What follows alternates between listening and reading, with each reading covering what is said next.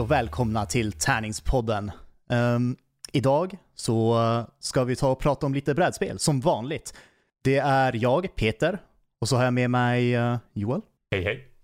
Idag så är det bara vi två. Tyvärr så har uh, Fygar uh, saker att göra, sorgligt nog. Ja. Men vi ska ta och prata lite som vanligt om brädspel och sådant. Um, ett uh, intressant som vi har spelat den här gången. Eftersom vi bara är två stycken så var det ju lite svårt att hitta någonting att spela. Men vi valde Small World. Ja, det, det är verkligen en utmaning med bra tvåspelarspel i allmänhet kan jag känna. Ja, men det håller jag med om. Uh, jag, jag, tror att de flesta som gör brädspel, de tänker ju sig att bara, ja men brädspel, då ska det ju vara för så här, fyra personer kanske, en mm -hmm. bra mhm. mängd. Men um, om man är två stycken så är det väldigt svårt att hitta ett bra brädspel. Ja, eller hur? Det, det blir så... Ja, ofta, ofta så får man liksom någon halv, någon, ett halvt brädspel liksom. Eller alltså spelupplevelsen blir så otroligt mycket sämre. Jo, oftast är de ju gjorda för att det ska vara så här um, svagheten för en person kanske är att när de attackerar en person så kan en annan gå in och attackera från sidan eller något sådant. Mm. Eh, vill säga om man spelar mot varandra. Men eh, när man spelar två stycken så blir det lite svårt det här eh, på, att balansera på det sättet. Utan då blir det oftast att om någon får ett övertag så vinner den personen. Ja, nej men um, exakt, exakt. Det blir... Nej, det, det finns liksom inget som håller tillbaks. Exakt, men det tycker jag Small World gör väldigt bra. Så ja. Small World är ett brädspel vars, det är väldigt likt Risk till en viss del. Du, du har en karta vars det finns olika zoner som du kan kontrollera på den här kartan och Eh, i början, första turen, då får du välja en ras som har en specialkraft. De här raserna och specialkrafterna kan kombineras i vilken ordning som helst, men man drar fram de korten egentligen så läggs de ihop och så då kan du välja en ras att välja att spela med. Den här rasen, då får du en speciell mängd soldater beroende på vilken specialkraft de har eller vilken ras det är. Och sen så tar du och börjar invadera den här kartan. Um, på kartan så finns det lite olika eh, hinder och så. Det finns berg som är svårare att ta över. På vissa ställen så finns det um, utdöda klaner som, uh, av andra raser som finns kvar där för att göra det lite svårare att ta över vissa områden. Uh, men poängen av spelet är i alla fall att ta över så många områden som du kan och efter din tur är slut, efter att du har tagit över så mycket områden som du kan och eh, sen som i risk, efter du har attackerat så får du flytta runt dina soldater.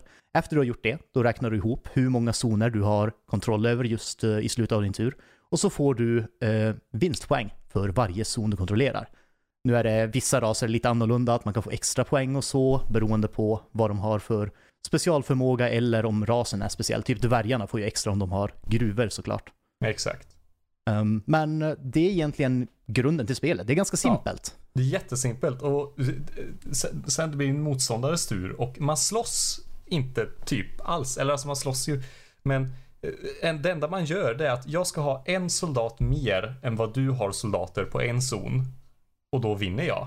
Ja, exakt. Och Sen när du vinner då, då dör, eh, vi säger att jag har tre stycken soldater på en zon och du attackerar med fyra. Mm. När du tar över den, då tappar jag inte alla tre soldater, utan en av mina soldater dör och sen får jag tillbaka de två så jag kan använda dem i nästa tur. Yes, exakt.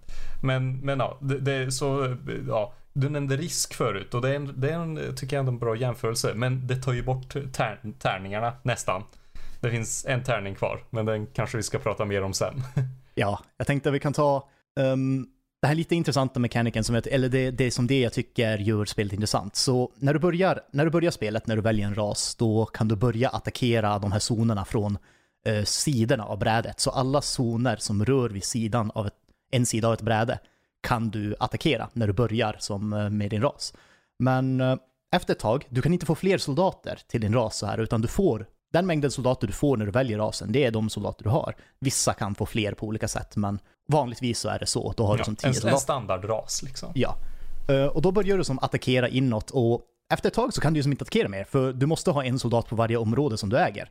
Och efter ett tag kan du inte attackera mer och då finns det eh, någonting som, eh, vars du kan eh, i princip pensionera dina raser. Så efter, vi säger att jag spelar de här dvärgarna och jag har tagit över en massa zoner, då kan jag välja att bara, nej men dvärgarna, de är färdiga, de har, de har, haft, sitt, de har haft sin tid. Så då kan jag välja att uh, pensionera dem. Uh, nu kommer jag inte exakt ihåg vad det hette i spelet. Um, Ja, pensionera är ett väldigt bra ord. Ja, det är, det är ganska bra ord kan jag, kan jag tycka. I alla fall, jag väljer att pensionera dem, då vänder man dem upp och ner. Så jag får, fort, jag får inte fortsätta slåss med de här eh, dvärgarna, men de äger fortfarande, jag äger fortfarande zonerna som de ligger på. Och sen, eh, efter jag har gjort det, det tar en hel tur att göra det. Det är som att jag står över en tur. På min nästa tur, då får jag välja en ny ras och börja igen från sidan av kartan och attackera. Mhm. Ehm, och det tycker jag är en ganska intressant mechanic. Ja, nej men alltså det är där den egentligen mest strategiska biten kommer in av det. När ska jag pensionera den här rasen för att få så mycket poäng ur dem som möjligt? För du får fortfarande poäng för zonerna din pensionerade ras kontrollerar och det som din nya ras tar över. Ja, exakt. Och det är ju, med de olika raserna som finns så finns det ju väldigt många olika sätt att använda det här på.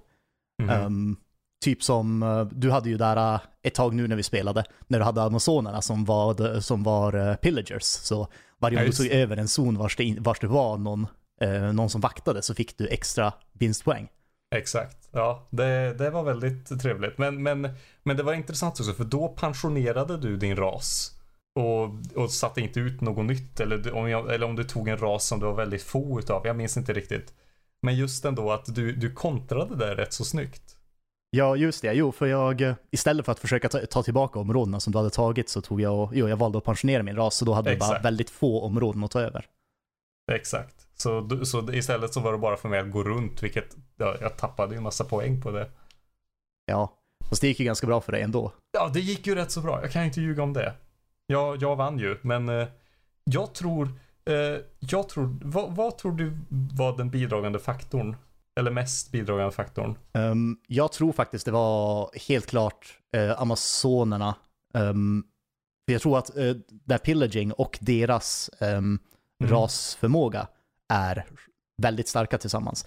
Uh, Amazonernas rasförmåga är att de är, de är tio stycken till att börja med. Eh, du har tio Amazoner, men medan du attackerar så får du lägga till fyra extra Amazoner som soldater, som du sen Mm. måste ta bort efter när din uh, tur tar slut. Innan du räknar poäng också, så du, så du kan liksom inte hålla extra zoner och sen ta bort dem, utan det försvinner fyra stycken. Ja, och det gör ju dem väldigt bra som offensivt. Du, du bara, Mhm. Just när de hade pillage också så får du ju ett extra poäng för varje område du tar över. Mm. Så då kan du bara som springa in, ta över massa, du får som dubbelt så mycket poäng basically första turen. ehm, när du tar över så många områden. Japp. Och jag tror att det var, det var en stor vinfaktor. Sen var det tror jag, jag, jag lämnade dina... ehm, ja, ja, dina ghouls lämnade jag för Exakt. länge. Jag borde ha försökt döda dem. Ja, nej men för dem tror jag också, jag tror nästan att det var mer på dem. För g- ghoulserna hade förmågan att, eh, ja, jag fick, när jag pensionerade dem, fick jag fortsätta styra dem och hålla på lite så. Så ett tag där så styrde jag två raser samtidigt. Det var, det var speciellt. Ja, det, det är sant. Det är en väldigt stark förmåga som de har. Um, jag, jag tror det är det jag gillar kanske mest med det här spelet. Jag spelar det här spelet ändå hyfsat mycket. Mhm. Och eh, jag gillar det här med att ingen spelsession är riktigt lik, just eftersom att förmågorna och raserna som kombineras alltid är olika. Mhm. Um, så det var, jag, jag, berättade, eh, jag berättade åt dig tror jag när vi spelade just om det här, det var någon gång jag fick en kombination med eh, fortifierande troll. Ja, just det, just det. Ja. Och trollen är ju, när, när, de tar, när de tar över, de första zonerna de tar över, då kan de lägga ehm, som troll mount, som är, ja men de bygger lite grottor och så. Och sen kan du lägga en fortifikation på det, så du kan bara ha ett troll på ett berg och så är det omöjligt att ta över det här berget. Ja, eh, för berg då, det krävdes en extra soldat för att ta över det berget. Så istället för det här vanliga, jag behöver två soldater för att ta ner en soldat, så behöver jag tre soldater. Om man sen tar då berg, fortifikation och trollgrottor, då behöver man fyra soldater. För att ta ner ett troll. Ta ner ett troll, alltså det är ju hemskt. Det är Amazon-bonusen gråter. Ja, det, det är sant. Ehm, Du hade dina drakryttardvärgar också. jo, det var, jag kände att det var, det var lite för en, det var lite för bra kombo så här temamässigt för att inte ta. Mhm. Nej, fick- det är sant. De gav dig inte så många poäng. Nej, jag trodde jag skulle få mer, men det är det Ja. att dvärgarna är inte så många av. Nej. Ehm, så det är, det är lite problemet med dem. De, de tjänar ju mycket poäng eftersom de får dubbelt när de har gruvor. Ehm, som finns utmarkerade på lite olika zoner i kartan. Men eh, problemet var ju att man, jag, hade, jag tror jag bara hade sju dvärgar eller någonting, vars man vanligtvis har precis. som tio av en ras. Ja, det, för det... Du hade verkligen mått bättre av att ha något annat än just draken där. För jag hade inte så mycket ute på kartan heller. För jag tror det var då jag tog amazonerna och för draken kunde bara alltså delita en, ja, fienderna på en zon oavsett hur många de var. Jo, och jag, jag använde den bra en gång tror jag. Det var ju Mhm. för, först när jag, när jag valde dvärgarna så var det ju en zon du hade tre amazoner på. Exakt, exakt. Eh, och då, då använde jag ju draken där för att döda dem. Men, Mm. men annars så fick jag inte jättemycket värde av draken. Nej, det var lite tråkigt. Du tog över något berg också tror jag med draken. Mm, jo men det gjorde jag. Ja, Ehm, så jag, jag gillar den här draken, den är, den är lite häftig. Man kan Mhm. också, jag vet att man kan få en, jag vet inte om det är från expansion, nu spelade vi utan, eh, vi, eller vi spelade bara basspelet. mhm. Men eh, jag tror att med en expansion så kan man få, du kan få katapult. Du, du kan ha så att dina soldater har en katapult, så då tror jag du kan, du kan skjuta den här katapulten på eh, zoner som är en ifrån var den står. Ah, det är jättekraftfullt. Jo, så den är, den är ganska häftig. Mhm. Det var ju rätt humoristiskt också hur det liksom, eh, det, alltså för, den här förmågan då som man drar, den heter, alltså det blir, det är något adjektiv, så typ, eh, jag fick berserker skeletons. Det, det. låter ju lite roligt. Jag, jag tänker mig att det är så här eh, nordiska skelett som kommer där med två stora yxor och bara springer Exakt. fram. Exakt, zombie, zombie-vikingar. Ja, exakt. Zombie-vikingar. Um, jo, och sen, sen som pillaging Amazons och det, alltså spelet har ju som lite av en så här uh, karaktär att vara humoristisk. Man tyck, jag tycker Mm. jag i alla fall med artstylen och allting. Den Ja. är ju ganska, Det har den. um, ja men de, de, de, de flesta raser ser inte jättefarliga ut. Nej, knappast. Inte ens, inte ens skeletten. Nej, de, de ser ändå måttligt trevliga ut. Jag tror de enda som ser så lite, lite onda ut skulle jag säga är sorcerersarna som sitter där med sina händer och på en, den här eh, magiska kulan som de har. Ja, och, och alltså det där getskägget också som de har. Det är ju... Ja. Det är minst plus 10 i som ondhetsfaktor. Ja. yes. Men ehm, jag vet inte, jag, jag, jag tycker Small World är jätteroligt. Jag spelar mycket som bara två personer. Jag tycker det funkar ganska bra. Det är, jag vet inte om det är bättre på fler personer. Ehm, det, det är typ någonting jag har funderat på.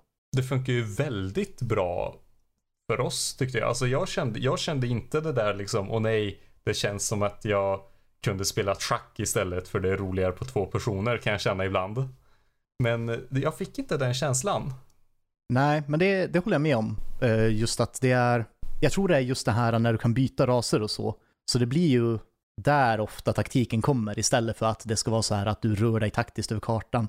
Utan det är mer så här, okej, nu har, nu har, nu har, ehm, vad heter det, nu har Joel använt alla sina soldater till att attackera och spritt ut sig jättemycket. Då tar jag en Mhm. ny ras och bara attackerar bakifrån vars vi inte har något försvar. Och försöker döda alla dina, dina nyomtagna områden. Ehm, så det, det är ju det är roligt samt att man, man måste ju spela runt mycket av förmågorna som raserna har. Ja, det är sant också. Det, eh, det, ja, det, blir- det, blir, det blir väldigt mycket mm, Ja, eh, alltså ett sorts kontringsgrej. Alltså om man, om man spelar det mycket så tror jag till och med att man kan tänka typ en eller två raser i framtiden. Men, Jo. men just nu du och jag körde så var det så här, du tog eh, du tog eh, den och då tog jag den och du tog den och då tog jag den och så blev det så här mycket fram och tillbaka. Jo, exakt. Det blev som aldrig att man satt där och bara okej, men min första ras började med det här och sen kan jag se att vi har ju den där rasen som är där borta som skulle kunna funka riktigt bra som en kontring. Det blir inte riktigt den tankegången eh, eftersom Nej, vi inte nej. spelar jättemycket. Men jag tror att det, jag tror att det, det är ett spel vars man, man skulle kunna lägga sig ganska djupt i det spelet om man verkligen vill det. Mhm. Ja men det tror jag också. Um, sen är det ju lite turbaserat på vilka raser och vilka förmågor de får, men uh, jag vet inte. Det känns som att så här, lite turbaserade grejer är ju en sak som måste vara med i brädspel. Ja, nej men lite så. Just det, tärningen. Ska vi prata om tärningen? Ja, just det.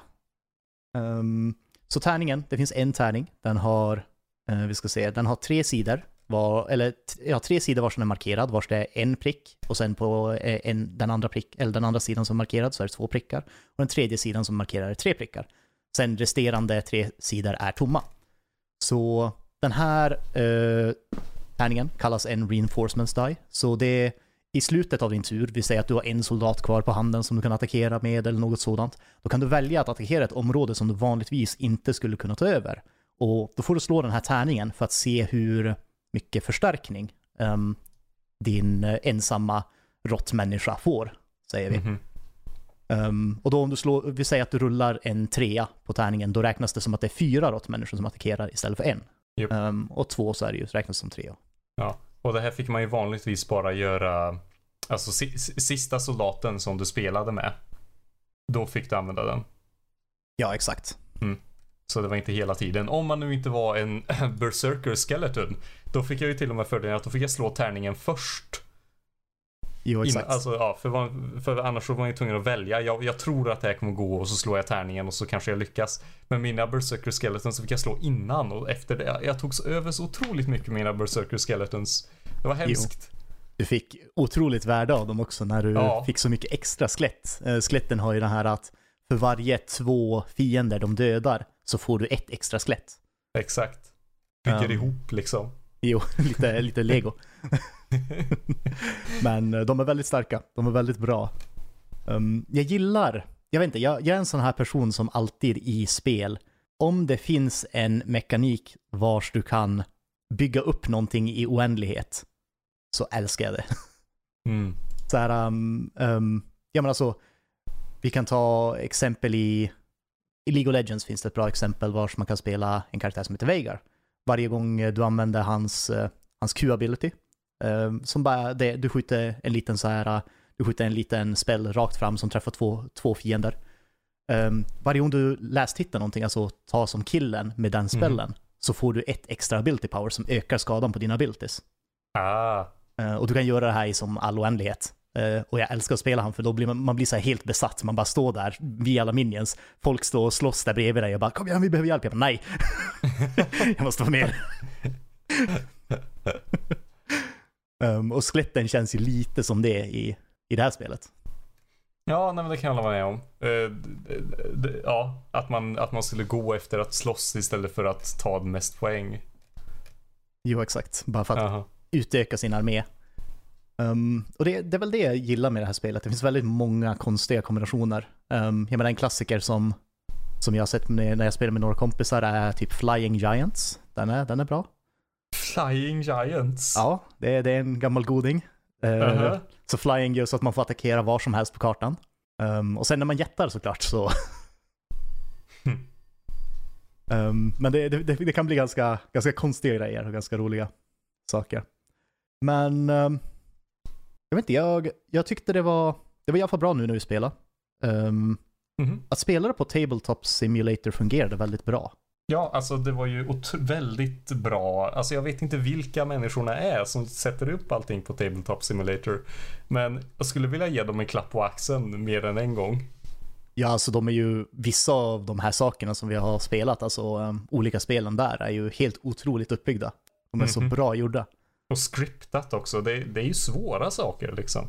Jo, exakt. Det är inte som att, alltså, det tar ju säkert ett, gans, alltså ett par timmar att lägga ihop de där grejerna. Det tar nog Mhm. ganska länge att få det, alltså få det funka bra också. För visst, du kan ju kanske slänga ihop det där ganska snabbt eh, så här, bara så att det är funktionellt. Men då skulle det säkert bli massa så här buggar vars, om du råkar ställa ner den här här så kommer allting flyga åt helvete. Och, Ehm, Nej men exakt. jag tänker mig att det är mycket ta hand om sånt. Gör de väldigt bra. Mhm. Ehm, jag vet inte. Ehm, för mig känns det som att jag gillar Small World. Det är ett bra spel. Vad, vad tyckte du om det? Det var väl första gången du spelade så? Ja, ehm, ja jag, jag tänker vi går i, jag tänkte bara innan vi går in på liksom så kanske vi ska förklara våra betygsskalor en gång till. Ja, det borde vi helt klart göra. Ja, en liten, en liten påminnelse om du är ny till tärningspodden. Eh, exakt. Så, då har vi, uh, se här. Ja, vi har hur nybörjarvänligt det är och då, och då är det liksom Ja, från, från eh, ett är svårast och fem är lättast och så, då är det du vet vad en tärning är. Lika svårt som Monopol. Har regelboken till hands. Dags att börja plugga. Eller PhD inom brädspel. Och då är det alltså det är så otroligt svårt och komplicerat och det är 12 tärningar och ja, jag vet inte. En sån här, en sån här omöjlig form kanske till och med som man måste slå eller något. Ja, sen har vi ju um, utöver det, utöver nybörjarvänligheten så har vi hur bra spelet är. Så då har vi också från, uh, från 1 till 5. Så ettan då kan vi börja på, det är ju toppklass. Mm. bästa, bästa man har spelat när det kommer till brädspel. Uh, tvåan så har vi Bra köp, ett helt enkelt värt att köpa. Uh, trean är Roligt spel. Sen fyran, Värt sin tid. Och sen har vi ju då femman som är en klassiker som är sämre än Monopol. Ja. Vilket är, det, det är ändå två eller tre spel som hamnar där nu. Ja, det, det är jag. du, du är så kräsen med dina brädspel. Ja, nej, jag, det är jag som är, jag som är tråkig kanske. Jag vet inte. Men um, gällande Small World, vad, vad Mhm. tycker du om eh, det då? På den här Eh, skalan? Ja, det var ju väldigt, eh, väldigt simpelt. Det, det kan jag hålla med om. Ja, eh, jag, jag skulle inte ens, alltså det hade ju inte ens lika mycket matte som Monopol. Nej, det är inte ens lika mycket matte som risk och risk har inte jättemycket matte ändå. Nej, precis, precis. Så jag skulle säga, du vet vad en tärning är. Och jag är nästan lite förvånad, för, för det var så väldigt eh, simpelt. Ja men det är ju, det är ju bra. Alltså, Ja, ja, det var, det var, ja, eller simpelt, det, kanske låter lite nedvärderande, men alltså, nej, okej, det var väldigt enkelt helt enkelt. ja, för jag tycker det, det, är- det är så här, um, med, med så här hur svårt ett spel är att spela. Ibland är det ju kul, ibland vill du ju spela ett så här jättesvårt spel som bara, det krävs Exakt. minst 15 uträkningar, du ska kunna varje karaktär och sådant. Um, men, um, men att spela sådana här spel också, de är, de är riktigt bra. För i och för sig, nu tog det ett litet tag när vi spelade, men jag tror det var också, um, vi pratade ju ganska mycket och sånt medans. Ja, ja, ja, ja. Um, men det är, ändå ett, det är ändå ett spel som inte tar extremt länge att spela. Nej, eller hur? Ja, nej, så jag tycker verkligen det är, ja, det det är, du måste bara veta vad en tärning är och inte ens det, för den här tärningen har symboler på sig. Inte ens en riktig tärning. Nej, inte ens en riktig tärning. Vad tycker du Peter? Um, jag håller med. Um, jag, jag håller med om att uh, du vet vad en tärning är. Det, är. det är ett väldigt simpelt spel att spela och förklara. Jag tror det enda som kan göra spelet lite avancerat är vissa av raserna och specialförmågorna. Ah, mm, Men, men jag tycker att de är oftast väldigt bra förklarade i de här papperna som man får med, som förklarar um, de olika förmågorna och så. Um, så jag vet inte, jag, jag tycker det är bra. Det är väldigt bra introduktionsspel, skulle jag säga.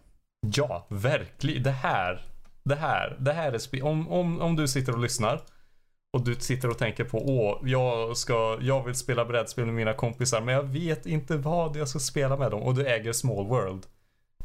This is it. Det är det här spelet. Det här är det som du ska använda för att fånga dem i nätet. Ja, verkligen, verkligen. För eh, vi- har nämnt risk en eller två gånger. Och, och det är inte en så dum jämförelse. Just, just fast, ja, risk är ju inte så kul. Men ja, det- är liksom samma grund ändå att du tar över områden med dina soldater. Ja, exakt. Och alltså, jag skulle säga temat är väldigt likt just det här att, ja men som du säger, man tar över områden med dina soldater och så, men det är mer så här, det lägger till lite roligare spins än att du bara går runt med samma soldater och försöker göra, alliera dig med dina kompisar för att sedan ta och hoppa in och, vad heter det, um, hugga dem i ryggen och så. Nej men exakt, exakt. Um, så jag, jag gillar det. Och jag tänker mig att, alltså om vi tänker nu, nu är det bara två som spelar, men Mm. om man är så här tre eller fyra som spelar i det här, um, så blir det mycket mer rygghuggande. Ja. Det, det är svårt att, eh, svårt att vara, eh, alliera sig när man bara är två stycken. Men du, jag anfaller inte dig och du anfaller inte mig. Ja men visst. Okej, bra idé. Yes. Det säger man bara om man vet att man leder. Ja, exakt. Om man leder så är det en väldigt bra idé. Ja, ja, ja. Toppen, toppen. Um, men eh, hur bra tycker du det är då, alltså som spel? Oh, alltså jag står, jag, jag tror ändå inte... Uff. Jag vill ge det... Ah, nej, jag tycker det är ett bra köp. Det är nära på att komma upp till toppklass. Och det kanske gör det med några expansioner också. Uh, men än så länge, men jag vet inte. Jag saknar, jag saknar någonting. Jag hade gärna sett... ja, jag hade gärna sett ett lite mer... Något till strategiskt djup i det. Och om det kanske typ är någon, någon 3D-resurs som hade haft, hade haft behövt hålla koll på eller om det, ja, någonting mer. Men det är alltså, återigen, jättebra spel. Och det kanske kommer upp till toppklass med några expansioner. Vi får pröva några expansioner tror jag Peter, tycker jag. Ja, men det, det tror jag vi hade säkert kunnat få med Martin, Ja. det också. Eh, nej men verkligen, och till ett pris, ja jag kollar på spelexperten.se nu och då kostar det 369 spänn för den engelska varianten. Det är ju väldigt överkomligt för ett brädspel. Ja, det är väldigt överkomligt. Men jag vill ändå, jag vill ändå ge det bra köp. För, för mig saknar det någonting för att ja, pusha över det till det där sista bästa steget. Men fortfarande, jättebra spel. Vad tycker du? Ehm, jag håller nog med dig på det. Vad heter det? Jag, jag skulle inte placera det i toppklass just eftersom, som du säger, det är, det är ju ett simpelt spel. Mm. Och jag vet inte, det kan väl ha kanske med att vi båda har spelat mycket brädspel. Men jag vill ha lite mer uh, mechanics i mitt spel. Mm. Ehm, men jag håller med om att det är ett sjukt bra, bra köp. Det, är ett- det är ett så här perfekt spel och bara, ja men så här, du har någon kompis över eller något sånt där och ni har någon timma och hitta på någonting. Ja men spela lite Mm. Small World. Exakt, Ehm, exakt. Det, det tar som kanske max en, kanske en och en halv timme om man är väldigt sölig. Mm. Um, att spela och då är det som, det, det är väldigt, väldigt roligt och jag tror att eh, vi, vi måste nästan ta och pröva det med fler spelare för jag tror, jag tror du skulle gilla det eh, ännu mer då. För jag tycker det, Mm. blir, det, blir, det är bra på två spelare men det blir ännu roligare när man är fler. Ja, men precis. Ja, men det är verkligen ett väldigt bra nybörjarspel. Så här, tänk dig typ så här, ni har varit ute på bio, restaurang, eller förlåt, man ska alltid, jo, nej, det är den gången man det bio först, sen restaurang, för då kan man sitta och prata om filmen. Ni går hem till dig, så här, det är lite, det är lite mörkt ljus och sen så tänder du lampan och tar fram liksom small world. Vilken, vilken charmör du är. Ja, ja, ja, ja, ja, ja, usch, usch. Sen sitter man och spelar i flera timmar liksom. Det, Ja. Nej, Det, det är det enda som händer på kvällen. Ja, det, nej men, nej, men då, då, då har man i alla fall, då, då vet man, då, då har man satt ribban känner jag, om det är det man tar fram eh, istället för typ monopol. Det är väldigt sant. Men, eh, men det, det är härligt att vi båda håller med i alla fall om um, Ja. klassificeringen där. Eh, jag har tänkt lite, det gick ju runt så här typ, någon Facebook-post bara, ligg inte med folk om de inte har böcker hemma ett tag. Ja, Ska vi kanske sprida en liknande sak? För så här, ligg inte med folk om de inte har ett bra brädspel hemma. jo, minst ett bra brädspel måste de Precis, kunna. precis, precis. Bara, man sitter och kysser varandra lite så här, kanske tar på varandra och så bara vänta lite och så bara, är, det skydd? Nej, jag bara, har du några brädspel någonstans bara så jag kan få kolla på? Jag måste, jag måste kolla en sak först. Det låter som den bästa standarden. Ja, ja, jag har ju monopol. Jag bara, åh, nej, jag måste gå hem. ja, precis. Eller den där memen, han som typ tar hem någon tjej och så typ ser han en bild på ett så här, eh, hennes eh, nattduksbord och så bara nej och så springer han ut och så är det typ så här brädspelshylla med monopol. Jo. flera olika varianter av Monopol. Det är Monopol olika. Fortnite, det är Monopol Warhammer 40K, det är Monopol Transformers.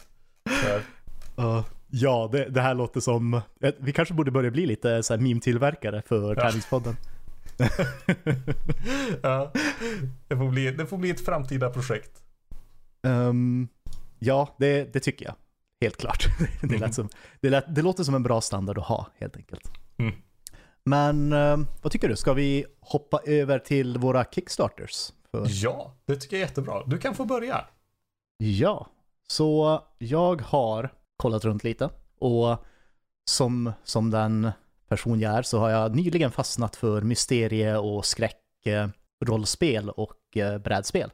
Eller nyligen och nyligen, jag har hållit på med det ett tag. Men jag hittade ett spel på Kickstarter, ehm, värt att nämna för den delen. Eh, kan vara värt att ta upp igen. Kickstarter är en hemsida vars man kan ehm, betala, eller vad heter det, Tro Fan. på kanske. Ja, tro tro på. på. med sina pengar. tro, tro på ett företag med sina pengar. det låter lite som att förboka spel. Ehm, och det är lite det där. Du kan i alla fall uh, funda ett spel som uh, någon lägger upp en idé, det här vill jag utveckla, vi kanske är halvvägs i processen men vi behöver lite mer pengar. Uh, så kan man lägga in pengar som de kan använda för att utveckla det och då får du det som hemskickat eller du får olika saker beroende på hur mycket du har lagt dit. De brukar lägga olika goals. Uh, något som är värt att säga dock är att Kickstarter är en hemsida vars det har varit tillfällen vars folk har bara har tagit pengar.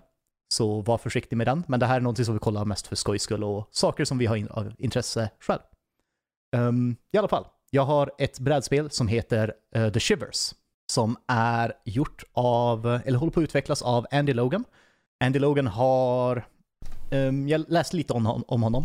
Och uh, han har inte gjort något, alltså han har gjort brädspel tidigare, men det här är det första brädspelet som han själv um, är väl, vad ska man säga, leddesigner på.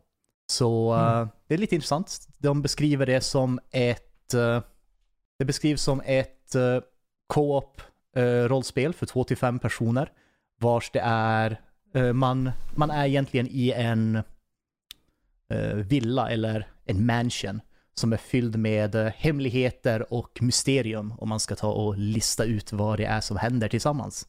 Um, det som fick mig att bli intresserad av det här spelet var att de använder, istället för att ha de här klassiska 2D-kartorna, du vet lite som så här, eh, House on the Haunted Hill typ. ja, sådant. Så då har de, de har gjort, du vet de här gamla pop-up-böckerna som man hade när man var liten. Vänta, va? Ja, så du vet när du öppnar den här boken så kommer det upp så här så att aha. det ser 3D ut. De har, uh, brädorna är sådana. Nej, men vänta, va? Uh, Okej. Ja, så då, då finns det så här, du, du öppnar upp ett rum och då är det som så här en 3D-version av ett, av, eller det kommer upp en så här, en, ja men en, en 2D-fåtölj som kommer upp så att det ser ut som att den är i rummet och så. Ehm, Nej men vad häftigt. så Gud vad roligt. det, det, det var lite därför jag blev, jag blev intresserad av det.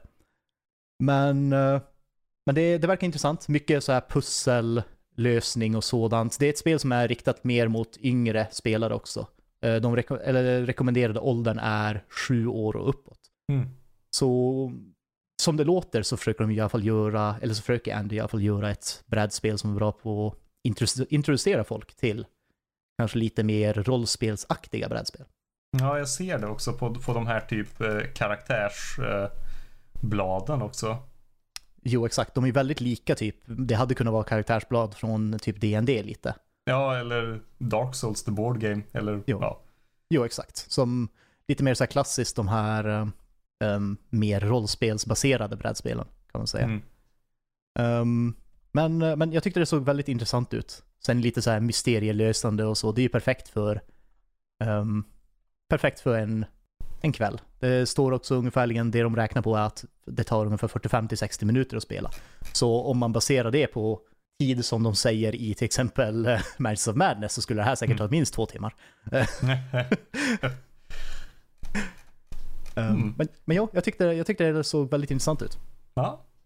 ja, men det kan jag verkligen hålla med om. Sen så vet jag inte aldrig riktigt så här typ. Ja, eh, just när det kommer till yngre barn och brädspel så tänker jag ofta på mig själv hur jag var. Jag tyckte jättemycket om de här. Eh, ett tag så sålde Lego typ så här brädspel. Heroica hette de och liknande. Ja, jag tror inte jag har sett det. Nej, nej, ja, eh, ja, men det som jag tyckte var kul med dem, det var just att det gick snabbt att spela. För jag, för jag vid sjuåriga Joel, så länge det inte liksom handlar om att sitta vid en dator så tror jag inte han skulle kunnat hålla på med saker i en timme. Oavsett vad det var. Ja, nej det är ju sant. Ehm, det är som så här man, man tänker tillbaka också när man var yngre och sp- skulle spela Monopol. Ja, Mm. precis. Det är ett spel som ändå tar förvånansvärt lång tid. Ja. Eh, och det var ju som, jag- jag vet inte, jag tror inte jag spelar klart Monopol många gånger. Nej, jag minns faktiskt aldrig om jag har spelat klart Monopol. Nej, för det, man blir ju less efter ett tag. Ja, man blir ju det. Man sitter ju där och slår sin tärning. ja. Men, men ja, det verkar, alltså de där pop-up sakerna är ju väldigt roliga. Mm. De hade jag gärna velat se på mer spel. Jo, det, det jag tycker är som är ännu mer intressant, eh, det är ju som här i de här rummen. Du, du skulle leta efter eh, som ledtrådar och sånt.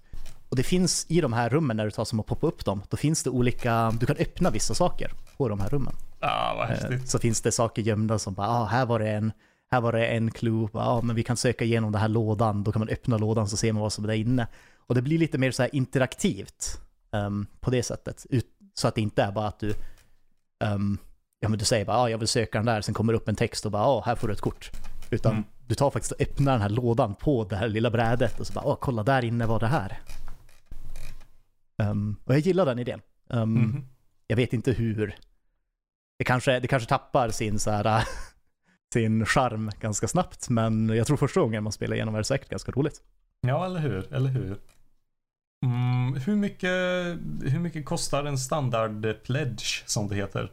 Mm, vi ska se, en standard pledge då så att man får tillgång till spelet.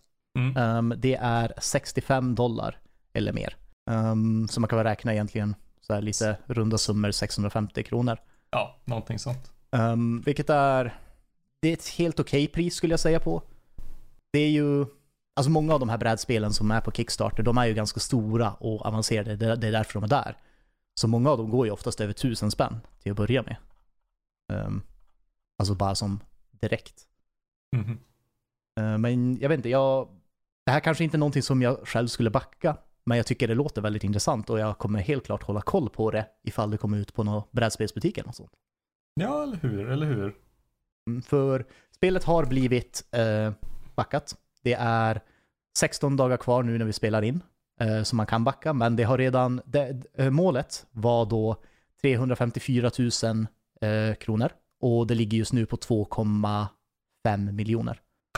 Shit. Alltså, Eh, jo, eh, ordentliga pengar. alltså allt, varje, varje gång när vi sitter så här och just tar den här Kickstarter-delen. Och så när vi säger, alltså det är så, sådana fantasisummor alltid.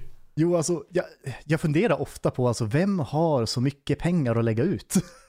Så, jag, jag förstår att det, man kan vara intresserad så här, för jag menar, jag, jag backar också ibland saker. Som eh, Dark Souls, bräd- eller vad heter det, Dark Souls brädspelet backade jag ju här och sen Bloodborne brädspelet har jag backat nu.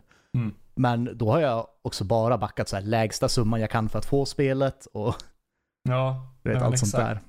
När kommer Bloodborne förresten? Jag har för mig, om jag inte, koll, om jag inte kommer ihåg fel, så var det augusti det skulle skickas. Ehm, så jag är, jag sitter spänt och väntar på det brädspelet, för det ska jag, direkt när jag får det ska jag samla ihop människor och spelare. På behörigt avstånd. Ja, det är ju, man får ju, man får ju försöka, man får, man får sitta med en meter emellan, men det hjälper ju att ha ett bord. Ja, eller hur? Eller hur? Sen masker på. Det blir Ja. nog bra. Ehm, men eh, det, det är någonting som, för det, det blev ju framskjutet, uh, Bloodborne-brädspelet, just när det var med eh, covid och så, eh, Okej, som okej. nästan allting blev. Ehm, Yes. Men, eh, men eh, vi får se när jag Ja. får det helt enkelt. Det låter väldigt bra. Mm. Men eh, vad är det du har tagit och kollat på på Kickstarter? Ja, jag har kollat på någonting som heter Oversiege. Oh, det låter väldigt, Ja, väldigt intens, in, intensivt. ja, eh, ja, jag vet inte. Intensivt kanske är, nej, ja, vi får se. Eh, Eh, det är i alla fall ett eh, litet kortspel där du och din motståndare har varsitt slott. Och det gäller då att förstöra det här slottet eh, och ta kronan. Ja, det, är- det är grunden. Men slottet består av sex stycken olika kort och bara vissa attacker eller vissa så här siege weapons kan förstöra olika delar av slottet. Du behöver armborst för vissa torn och du behöver katapulter för vissa andra torn. Och du behöver en, vad heter det? En sån där stor sak som flera personer går fram till slottsporten och En, eh, vad heter det, svenska, eh, engelska, Siege Tower. Så, ja, ja, eller alltså en sån där en ram eller vad det nu heter. Ja, mm, mm, ja, en murbräcka. Murbräcka, tack och du behöver en murbräcka för att kunna ta sönder porten. Och i slutet så behöver du också en nyckel för att ta dig in i skattkammaren och stjäla kronan. Okej. Eh, ja, eh, så ditt slott består av sex delar, Eh, sex olika kort. Och eh, resten av korten eh, är då dina siege weapons, ammunitionen till dem eller reparationshandlingar eller skyddshandlingar. På din runda så spelar du kort tills du har två kort på handen. Och du drar ett kort varje runda till att börja med. Eller nej, ja, och du börjar med två, du börjar med två kort på hand, drar ett kort och sen spelar du. Och då får man då avgöra lite så här, ska jag spela ut en pilbåge och sen ammunition till den så att jag kan ta ner ett torn eller ska jag spela ut en pilbåge och sen kanske spela ut en katapult så att jag vet att för dina siege weapons kan också bli förstörda. Så jag kanske ska spela ut en pilbåge och en, och en katapult så att om min motståndare förstör någon av dem så har jag åtminstone en kvar. Ah, okej. Hmm. Mm. Det ser intressant ut. Eh, Jag sitter och kollar lite där på det på sidan. Ja, eh, och sen då när, när man har, nu ser vi att du har lyckats förstöra eh, två bitar av mitt slott. Då, Mm. kanske, då kan det vara lite symboler på de eh, bitarna så att jag får dra fler kort, vilket betyder att det, om du, det, det är lite svårt att ligga under, eller alltså de har en fin mechanic för att motverka RNG'n, för du sitter ändå och drar massa kort eh, och spelar ut då, och spelar ut och det är inte så jätte strategiskt alltid. Men med det så känner jag ändå att det blir ett mer strategiskt moment i det. Mm. Ja men det kan jag hålla med om. Sen, jag gillar lite det här som du säger att um, man har lite av en catch-up mechanic som om man säger ja, så. precis. Just på det sättet att du får fler kort bara. Mm. Eh, och sen så något som jag, jag gillar jag gillar två olika typer av spel i första hand. Väldigt minimalistiska eller väldigt, väldigt plottriga. Eh, allt däremellan tycker jag så här, eh, det är väl okej. Okay. Men just det här är då på den minimalistiska sidan, för det är då bara två kortlekar som du och din motståndare sitter med. Ja, det är ju, alltså, det är ju en ganska fin charm med sådana spel, just eftersom att um, det blir, uh, det, det, blir, um, det, det, är så lätt att ta med sig och du kan spela på många olika ställen och så. Jag gillar det uh, mm -hmm. med simplistiska spel. Ja men exakt, exakt. Och, då, och det blir så, det, det är också inte så jätteavancerat. Du spelar ut kort och det är som, och det är bara symboler på korten också så det är inte liksom, ja, det är inga, det är ingen matte här inte.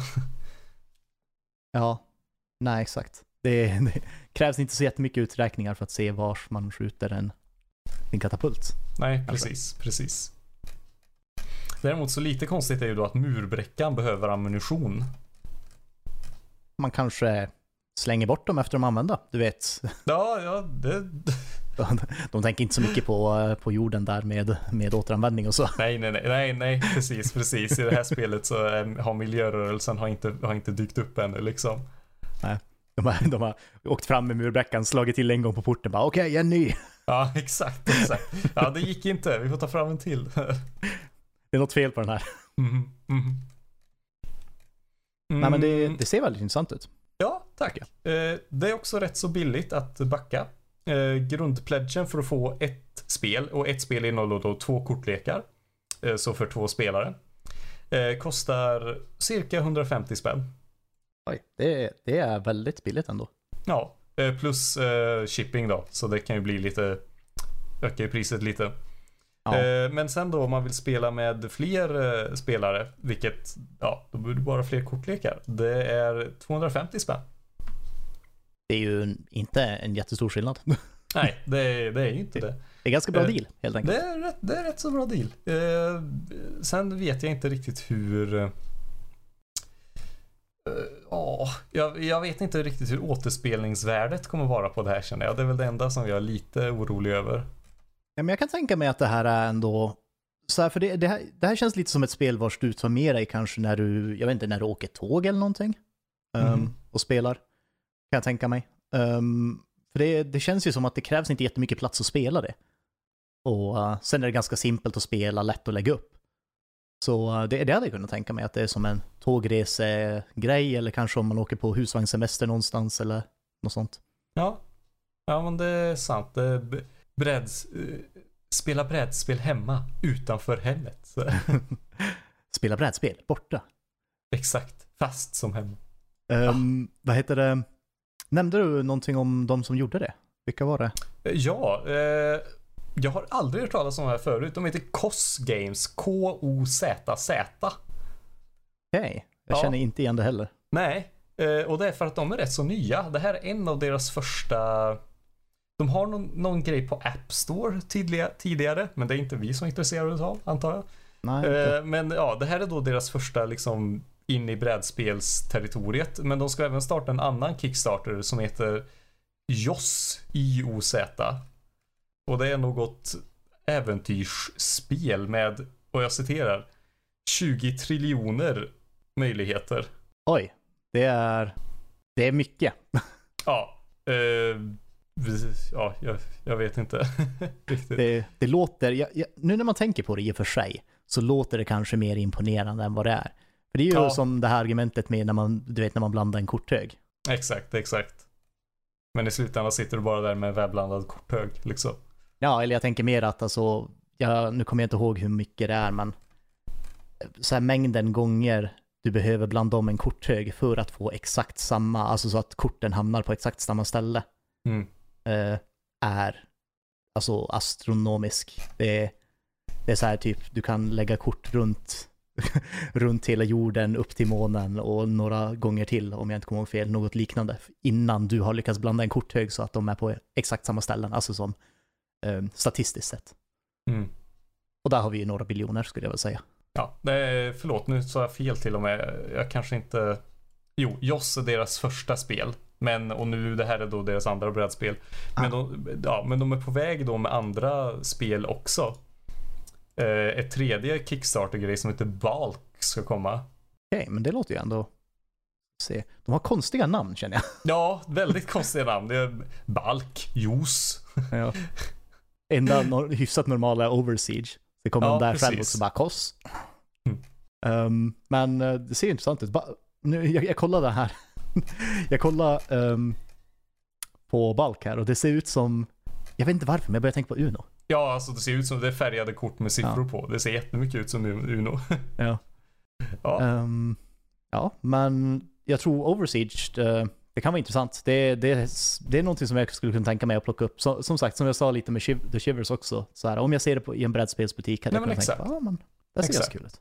Liksom på rea så här. Det är perfekt. Det är sant, Eh, det är sant. Ja, eh, de ville ha eh, 5000 spänn. Och nu har de 150 000. Det är, det, är, det är inte illa av dem ändå. Nej, det är bra jobbat, det är bra jobbat. Ja. De har lite snålt med stretch goals, men det kanske bara är jag när man... Ja, de kanske inte förväntar sig att det skulle... Nej, precis, så precis.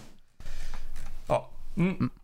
Okej, men jag tänkte så här. ehm, jag vet att vi pratade om det här lite innan, men eh, vi har ju två olika saker som vi kan prata om nu.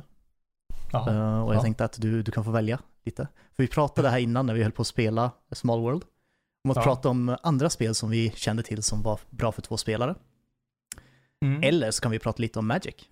Ja, men alltså jag tror ändå det där med två spelare. Jag tror, jag tror vi kanske, vi kan prata om, vi, du och jag kanske får någon mer omgång då vi kan prata om Magic. Känner Det är jag. sant. Men två spelargrejen är lite för bra för att släppa just nu. Ja, det är väldigt passande Ja, till episoden om man säger så. Extremt passande. Ja, men vi pratade lite om, eh, när vi hade spelat Small World där, om andra, andra brädspel som är bra för två spelare. Och vi kom med några förslag om jag inte kommer ihåg fel. Mm. Ehm, jag hade några stycken i alla fall. Jag tänkte att jag kan eh, ta och börja med något och sen eh, om du har någonting så kan vi ta och prata om det också. Vad Ja, heter det? ja. Brädspelsmässigt. Ehm, det finns ju, jag vet, inte, jag vet inte varför jag spelar så många brädspel som funkar på två personer. Så här. det känns så skumt. Men ehm, vi har ju spelat ett här på Tennispodden. Um, vad heter det? Dark Souls, the board game. Ja. Funkar ganska bra på två personer Mhm. skulle jag säga. Ehm, det är ju det är ett brädspel som blir svårare ju färre du är. Mhm. Men eh, jag skulle säga att det funkar helt klart. Okej. Ehm, men för du, du har ju också spelat det, så vad, vad, vad tror du om det? För nu när vi spelade också, vi var, vi var fyra Vi- stycken när vi spelade. Var hur? fyra? Eller nej, var det, jo visst var det då Niklas som är, eller? Jo, det var då Niklas som är. Just det, Ja. ja. just det ja. Åh, Jo. Niklas. Eh, Eh, och, Ja. Nej men det kan jag tro på. Det kan jag tro på. Sam- Samtidigt så tror jag som du säger att det blir nog väldigt mycket svårare. Men jag menar, om man vill ha den där Dark Souls-upplevelsen. Haha. jo, exakt. Det, eller det, det jag tycker är bra med det spelet, det spelet kan du ju spela själv också om man, om man skulle vilja det. Ehm, men det, eller varför det funkar för två personer tänker jag är ju att för de, de, det finns till och med i reglerna hur du ska scala spelet baserat på hur många spelare du är. Mm. Ehm, så det är ju tänkt att man ska kunna spela det som en till fyra spelare. Men jag tänker mig att det blir väldigt svårt om man gör det. Ja, eller hur? Vi hade ju eh, redan problem man, kanske gillar utmaningen och... Nej. Det är sant. Så här, hardcore brädspelare. Ja, verkligen, verkligen. Jag kan förstå utmaningen så här när man spelar på dator, men brädspel har jag lite svårt att... Alltså jag kan tänka mig det i och för sig. Jag menar, varför ja, inte? men, ja, men, men, men alltså.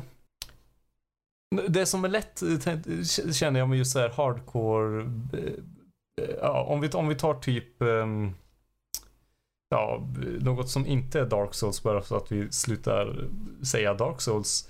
Ehm, ja, nej men eh, om vi tar något roguelite spel liksom.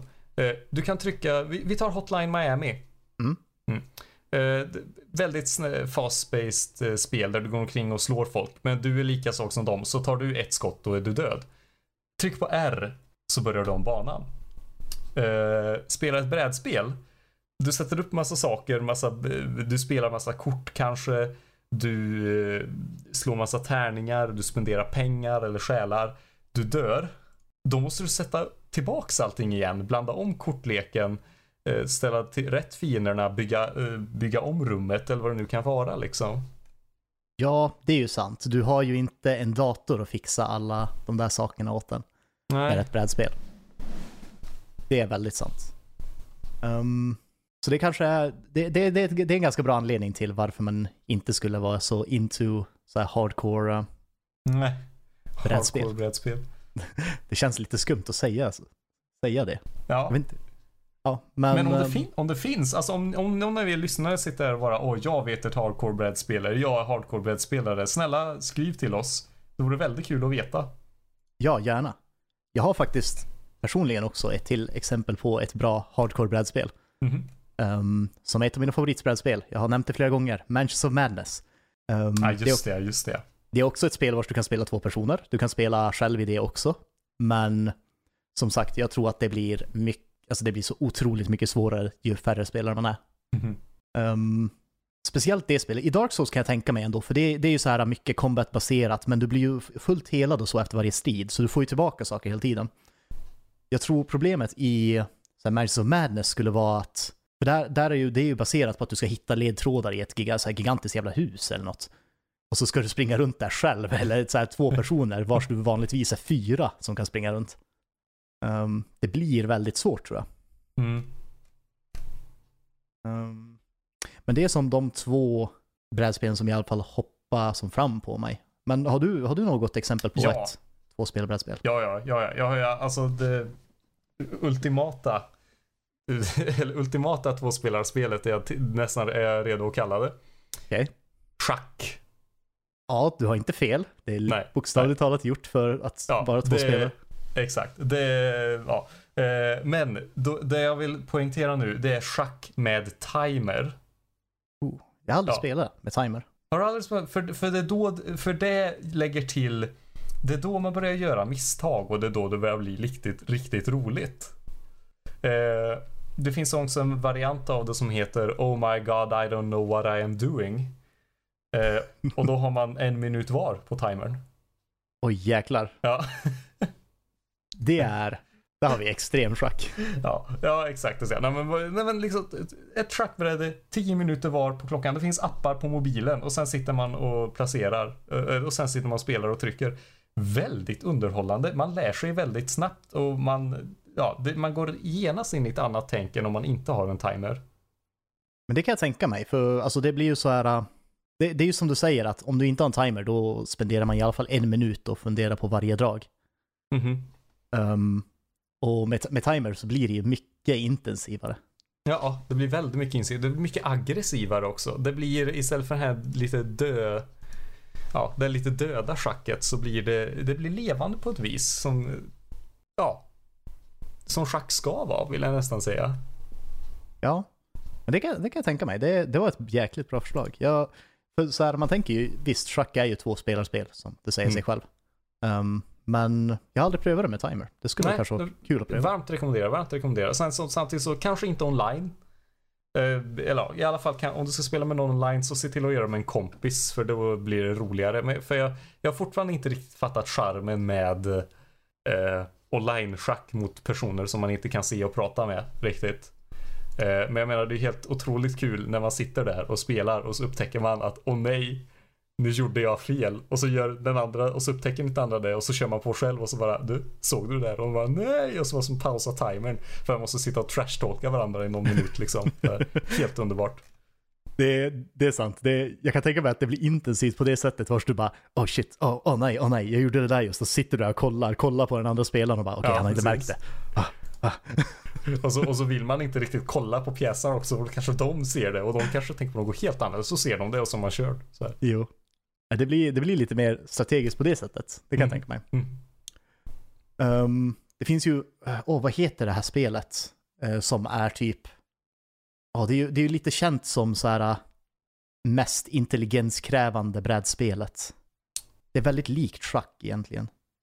Visst är det det? monopol? Nej. Eh, eh, Go, heter det det? Nej. Mm, Jo, är, är det Go? Jo, det kanske det är. Är det, det är väl kinesiskt eller japanskt? Jag kommer inte ihåg. Ja, Uh, är no, någonting sånt. Jag har för mig att det är Eh, Go. För det, det är ju också, det, det, det ska ju också tydligen vara ett bra tvåspelarbrädspel har jag hört. Mhm.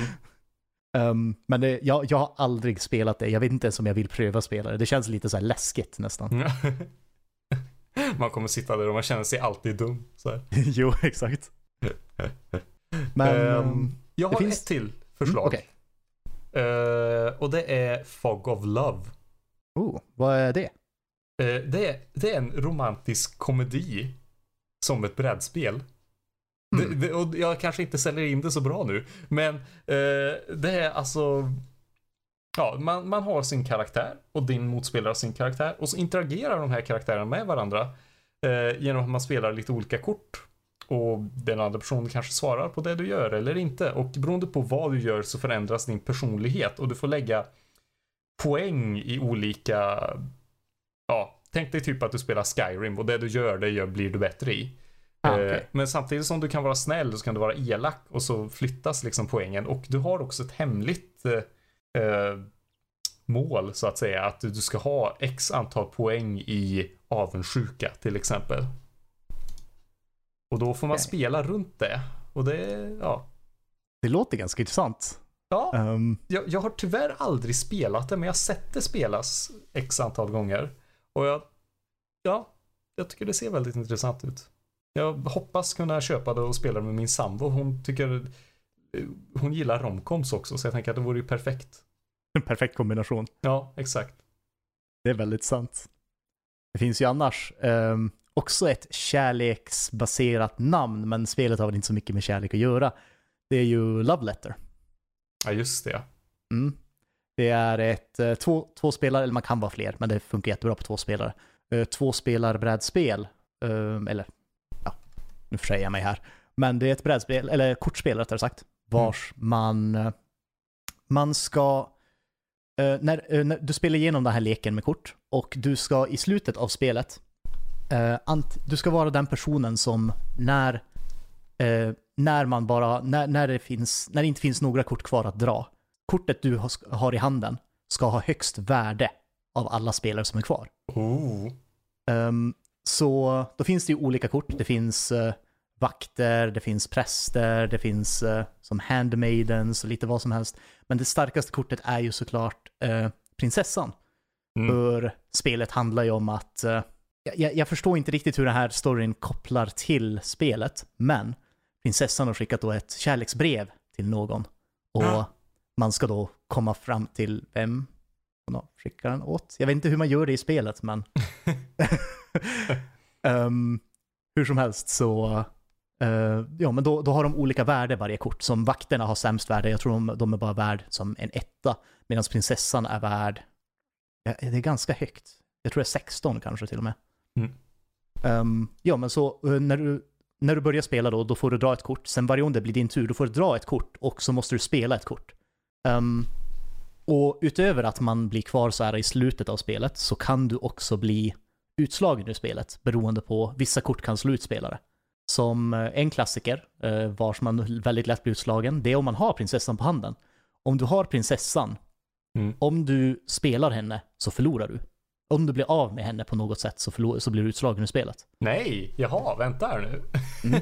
Så eh, när, du, när du väl sitter på prinsessan då vill du inte att någon annan ska lista ut det, för då kan de spela ett kort som tvingar dig att spela, spela henne. Ah. Um, eller så kan man använda vakterna. Uh, vakterna är egentligen de kraftfullaste korten på det sättet. För när du spelar en vakt, då får du gissa vad för kort någon annan har. Om du gissar rätt så blir de utslagna. Um, What? så, Okej. Låter som att det här spelet kan ta slut väldigt snabbt. eh, ja, det kan ju göra det. När man är två personer så blir det väldigt intensivt um, att spela. Men, eh, och och det är ju egentligen, det funkar hyfsat bra att spela på två personer skulle jag säga. Men det är designat att spela typ tre, fyra personer. Mm. Um, så vissa av korten blir lite konstiga när man är två. Typ uh, Handmaiden är, när man spelar ut det kortet, då blir du immun, eller immun mot kort. eh, tills det blir din tur igen. Så om du är bara två spelare, du bara, "App, nu kan du inte göra någonting, så han måste spela, eller andra personer måste spela någonting. Det spelar ingen roll vad de spelar, för de kan inte använda det på dig. Mm. Um, så det blir lite konstigt på det sättet. Men, um, men jag tycker det funkar ganska bra på två personer och det är ett väldigt roligt spel. Det går jätte, jättesnabbt att spela och om man är så här tre, fyra personer också. Eh, riktigt roligt spel. Det här, är, det här är ett spel som är perfekt. Jag har, sett, jag har sett folk göra det här när jag bodde i Kiruna. Att ta med det till en pub, typ. Om vi säger du går på Bishops Arms och ska ta en öl. Och sitter och spelar Love Letter. Det är, det är riktigt bra. Det låter ju riktigt härligt också. Jo, det är, det är ett riktigt roligt spel. Man kan spela väldigt mycket för varje runda tar kanske bara en tio minuter, om ens det. Nice. Eh, Så det är väldigt snabbt.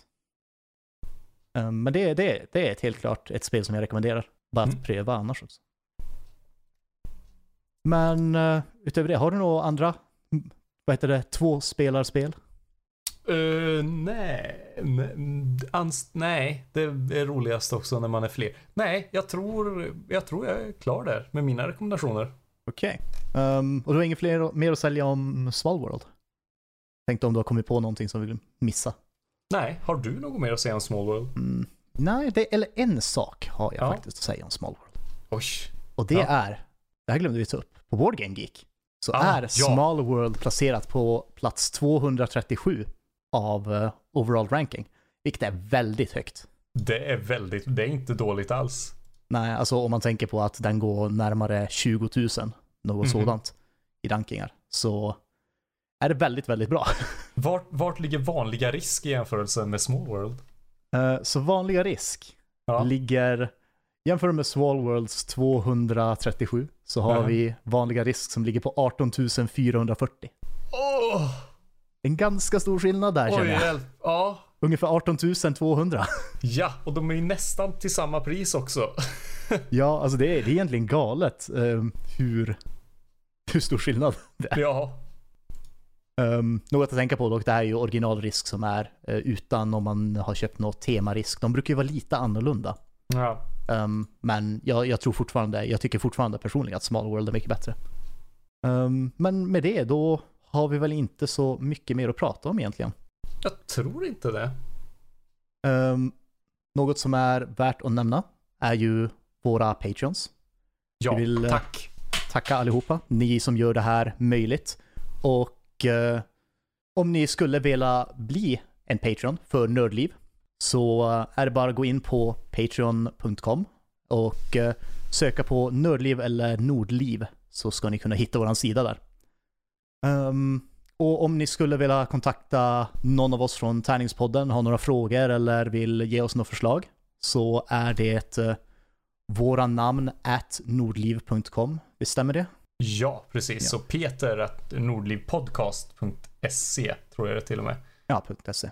Yes. Ja. Eller Joel at nordlivpodcast.se. Eller om du saknar fygar eh, så kan du skriva till Martin at nordlivpodcast.se. Exakt. Och ja, det är bara att skicka in om ni har några frågor helt enkelt, tycker Mm. jag. Men eh, utöver det så vill jag tacka alla som har lyssnat. Eh, är det någonting som jag har missat? Jag kan inte komma på det. Ifall det skulle vara något. Nej. Ehm, ja, men tack allihop för att ni har lyssnat och eh, vi får höras nästa gång. Tackar. Hej hej.